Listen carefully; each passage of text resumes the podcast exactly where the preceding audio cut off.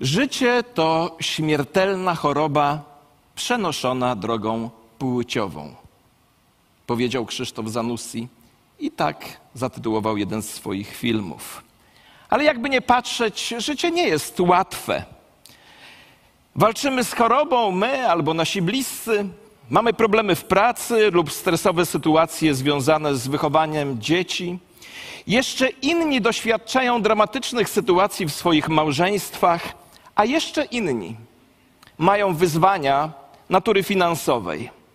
A ja w tym wszystkim myślę sobie, że Bóg, dopuszczając próby w życiu człowieka, dopasowuje te próby do konkretnej osoby i jej sytuacji, by wykształtować w jej życiu i przez jej życie najwyższe dobro, którego efektem będzie błogosławione, czyli spełnione życie danej osoby.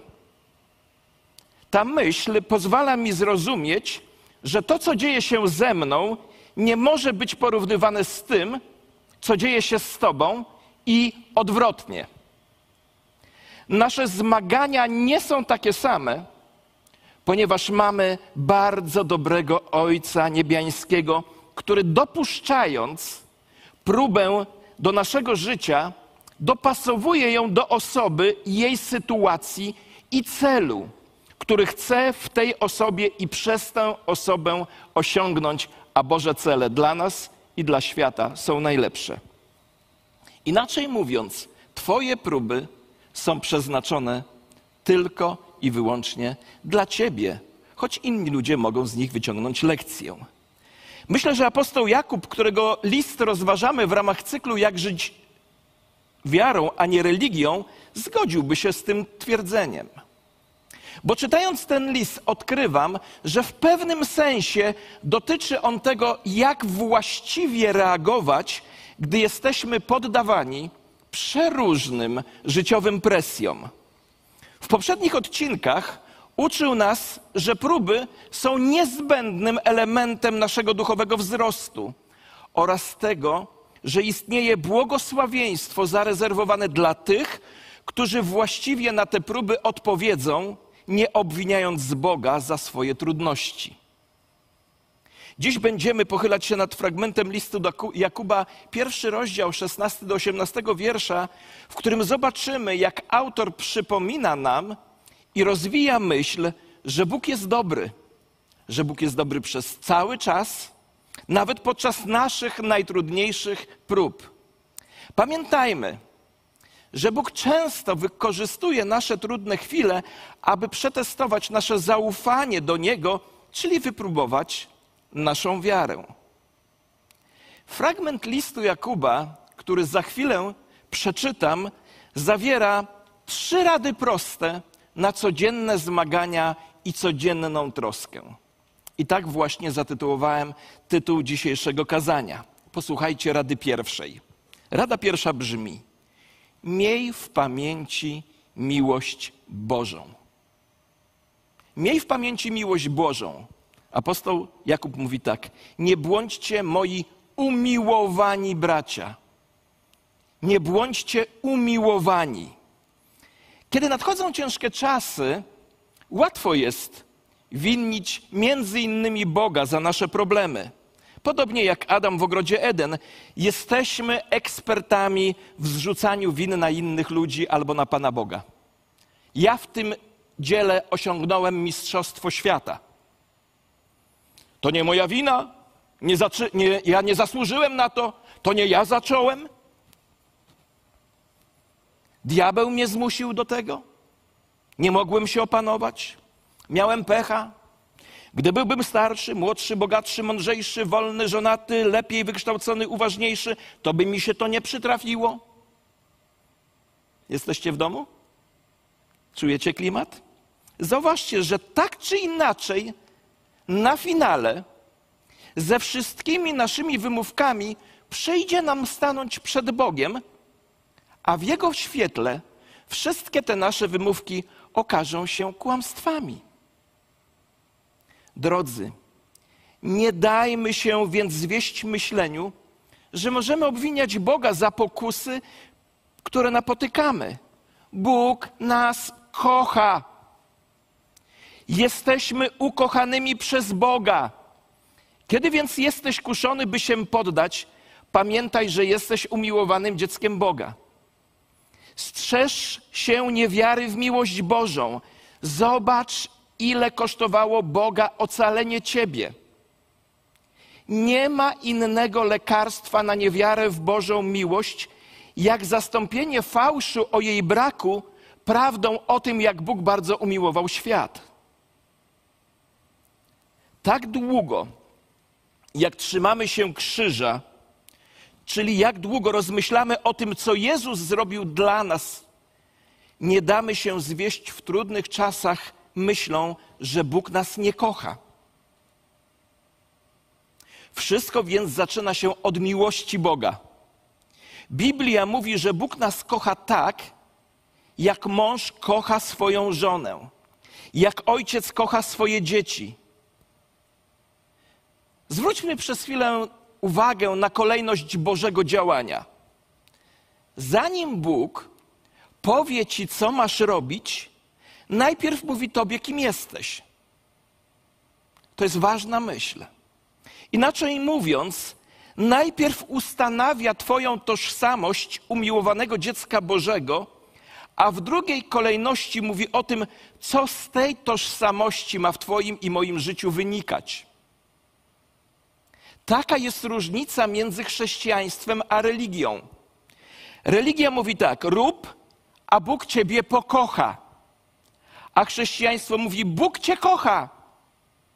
Niezależnie od tego, co robisz, ale niech ta miłość motywuje cię do zmiany.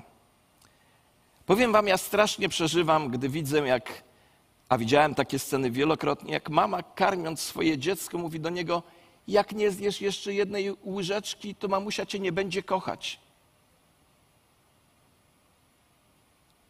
My wzrastamy w takiej atmosferze i później przenosimy to na obraz naszego Boga. A prawda jest taka, że Bóg nie może Ciebie już bardziej kochać, ale prawda jest też taka, że bez względu na to, co robisz, Bóg nie będzie Cię kochał mniej. Co nie znaczy, że On chce, żebyśmy pozostali w, takiej, w takim stanie, w jakim jesteśmy. Bóg chce naszej przemiany. Bóg mówi tak: Kocham Cię, a moja miłość do Ciebie nie jest uzależniona od tego, co robisz. Po prostu jesteś moim umiłowanym. To wynika z tego, że Bóg jest miłością. Boża, Bożą naturą jest miłość. Po pierwsze więc, gdy przychodzą zmagania życiowe, gdy przychodzą troski i pokusy, miej w pamięci miłość Bożą. A po drugie, apostoł Jakub mówi: nie, zapom nie zapominaj o Bożej dobroci. Wszelki dar dobry i wszelki dar doskonały pochodzi z góry i stępuje od Ojca światłości, u którego nie ma zmiany ani cienia zmienności. Jakub tutaj używa drugiego argumentu, kiedy przychodzi nam do głowy winnić Boga za nasze pokusy i problemy. Posłuchajcie, Bóg daje i dopuszcza do nas tylko te rzeczy, które w zamyśle na finale mają służyć naszemu dobru. Skoro więc nasze złe pożądanie prowadzi do grzechu, który w rezultacie prowadzi do śmierci, nie może ono mieć swojego źródła w Bogu. Kiedy grzeszymy, możemy winić tylko siebie. Wszystko, co dobre na tym świecie, koniec końców pochodzi od Boga. Jeśli coś jest dobre, to Bóg to stworzył, to Bóg nam to dał, lub Bóg do nas to posłał. Posłuchajcie tego. Czy zdajecie sobie sprawę, czy zdajesz sobie sprawę, że dzisiaj w Bogu żyjesz, w Bogu się poruszasz i w Bogu jesteś? Tak mówią dzieje apostolskie. Czy rozumiesz, że żyjesz teraz, ponieważ Bóg chce, żebyś żył? Może jesteś niewierzącą osobą. Bóg cię kocha, a żyjesz tylko dzięki temu, że On chce, żebyś żył. Oddychasz, ponieważ On daje tobie powietrze do oddychania i płuca, abyś mógł je wciągnąć. Posłuchajcie, gdyby Bóg w tym momencie cofnął swoją błogosławiącą dłoń, żaden z nas nie wziąłby kolejnego oddechu. Widzimy i słyszymy. Poruszamy się, myślimy, śmiejemy, klaszczemy, śnimy i płaczemy, a wszystko to dzięki Bogu. Może warto odpowiedzieć sobie na pytanie, które zadał apostoł Paweł w pierwszym liście do Koryntian 4:7. Cóż masz, czego byś nie otrzymał? Może uważacie, że dobry wygląd, który każdy z nas ma, zawdzięczamy tylko swoim genom? A kto ci dał siłę, kreatywność, pomysłowość? Kto dał ci błogosławieństwa, które uważasz za oczywiste? Tak często spotykam ludzi, którzy mówią: Sam do wszystkiego doszedłem, doszłam właściwie swoimi rękami. Nawet sama się, sam się urodziłem. A już taka złośliwość pastorska. Jakub podkreśla to, kiedy mówi, że każdy dobry dar pochodzi od Ojca Światłości. Miłosierdzie i łaska zawsze przychodzą z góry. Zaczynają się od Boga i przenoszą się na człowieka, zaczynają się w niebie, a kończą się na ziemi. A my musimy pamiętać, że nie mamy Bogu nic do zaoferowania, więc wszystko dobro, które nas, do nas przychodzi, jest Jego niezasłużonym przez nas aktem Jego dobroci. Wiecie, co mi, jakie zdanie mi pomaga? Posłuchajcie tego zdania. Nawet najlepszy chrześcijanin nie miałby nadziei na niebo, gdyby nie Boże miłosierdzie. Jakiemu więc Bogu służymy? Odpowiedź jest taka: służymy Bogu, który jest całkowicie, ciągle i niezmiennie dobry. Myślę, że poniższa historia, którą Wam opowiem, w pewien sposób opisuje nasz problem. Podobnej historii sam byłem świadkiem na własne oczy. Pewnego razu małżeństwo kupiło swojemu synowi na urodziny rower. Nie mogli się doczekać, kiedy on otworzy ten prezent i zobaczy to, co otrzymuje. Nie mogli się doczekać tej reakcji na prezent. W jego urodziny otworzyli pudełko, wyjęli rower i, i wręczyli go chłopcu. I ku ich konsternacji i zdziwieniu mały spojrz- chłopiec spojrzał na nich i zajął się pudełkiem. I sporo czasu zajęło im przekonanie tego chłopca, że to rower, a nie opakowanie, w którym go dostarczono, jest prawdziwym prezentem. Bóg dobre dary daje dzieciom swoim. Często naszą rolą jest zerknąć poza opakowanie, w którym ten dar przychodzi. Bo wszystko, co Bóg robi i daje swoim dzieciom, jest dobre. Bóg jest dobry cały czas i jest dobry w każdej sytuacji. Niezależnie od tego, co się wokół dzieje, Bóg jest dobry. Czasami jest to trudno wyznać, oczywiście, ponieważ życie może zmienić się w, w mgnieniu oka. Nikt z nas nie wie, co przyniesie nam jutro. Dlatego potrzebujemy Boga, w którym nie ma cienia zmienności. Posłuchajcie, Bóg jest stałym punktem w stale zmieniającym się świecie. Jezus Chrystus wczoraj, dziś ten sam i na wieki. Nie jest dobry dzisiaj, a zły jutro. Nie zmienia kapryśnie zdania i nie decyduje się być życzliwym dzisiaj, a surowym jutro. To my tacy jesteśmy. Ale Bóg taki nie jest. Kiedy jesteś więc skuszony, by się poddać, pamiętaj o miłości i dobroci Boga. Kiedy masz ochotę ulec pokusie, pamiętaj o miłości i dobroci Boga. Kiedy chcesz zrezygnować z życia, pamiętaj o miłości i dobroci Boga.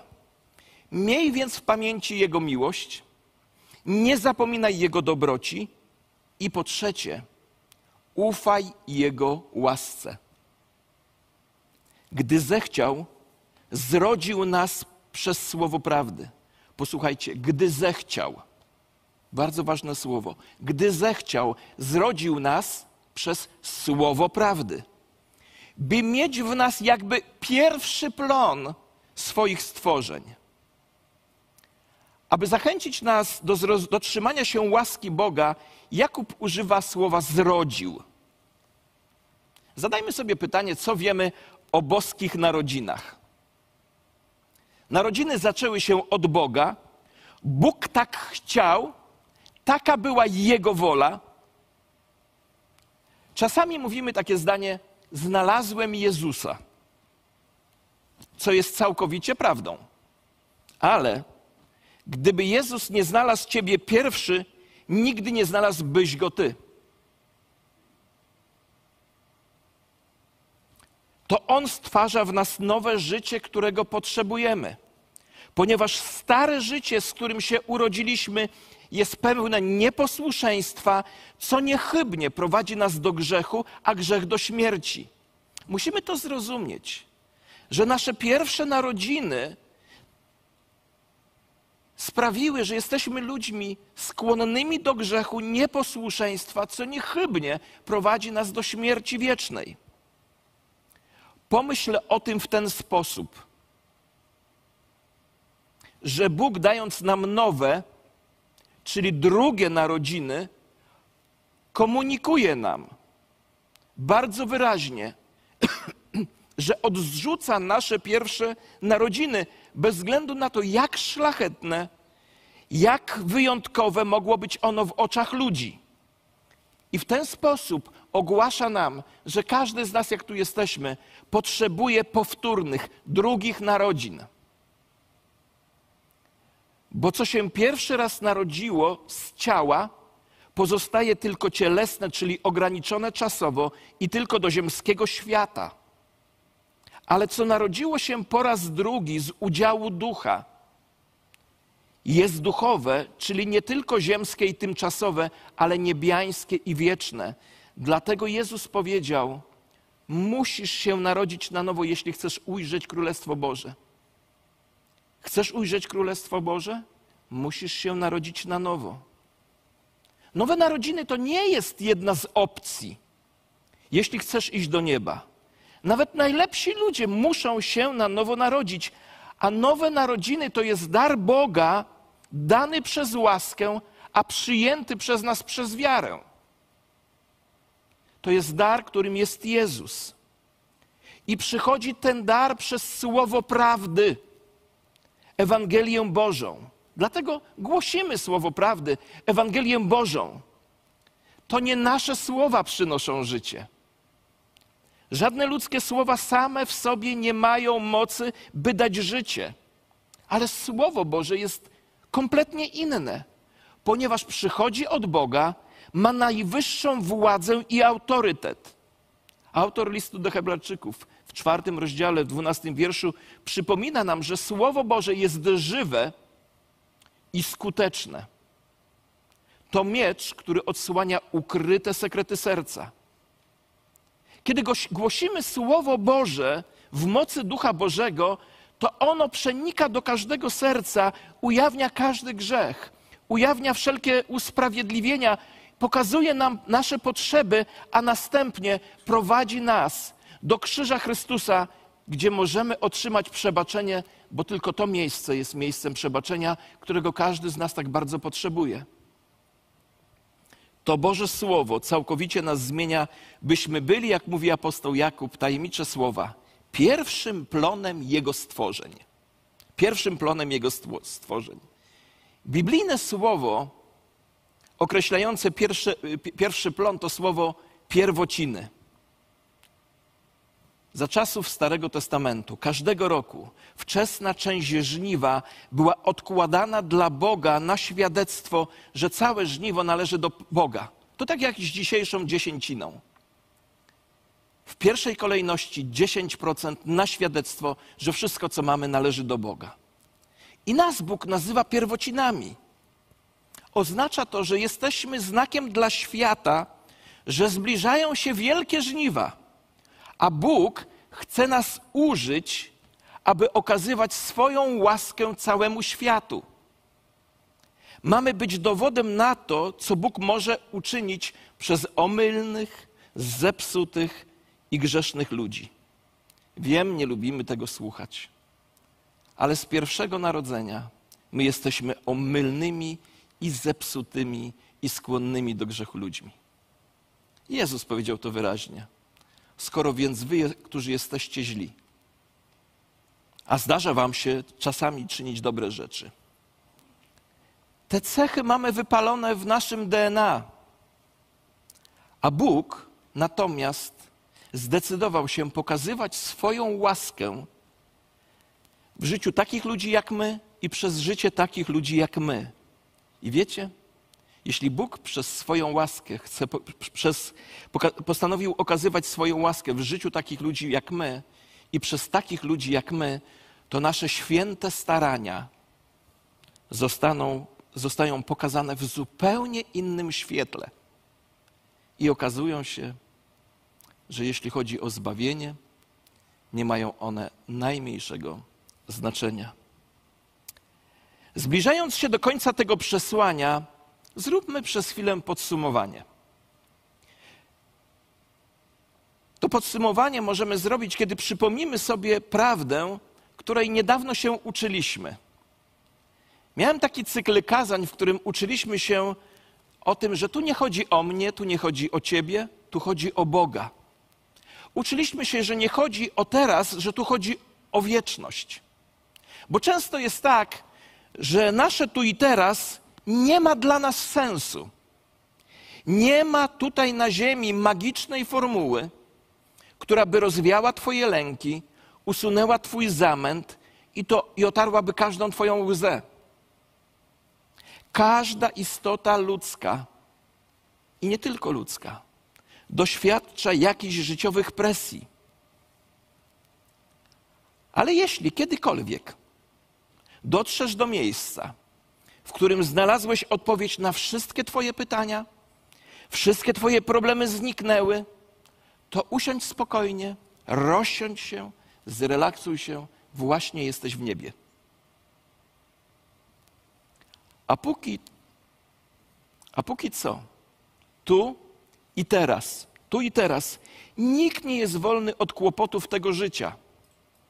Ale łaska, posłuchajcie, łaska, która zaprowadziła nas tak daleko, bezpiecznie zaprowadzi nas do domu Ojca w niebie. Słyszycie? Łaska Boża, która doprowadziła nas już tak daleko, bezpiecznie doprowadzi nas do domu Ojca w niebie. Apostoł Paweł rozumiał to doskonale, bo zmagając się z próbami i pokusami, modląc się do Boga, szukając odpowiedzi, usłyszał, jak sam Bóg powiedział do niego przepiękne zdanie: Pawle, wystarczy ci moja łaska. Moja moc bowiem doskonali się w słabości. Słyszycie? Wystarczy mi Boża, ci Boża łaska. A to dlatego, że łaska Boża jest tym wszystkim, czego potrzebujesz, by być ta, tym, kim Bóg chce, żebyś był. Łaska Boża jest wszystkim, czego potrzebujesz, by być tym, kim Bóg chce, żebyś był. I gdy to apostoł Paweł zrozumiał, złożył wyznanie.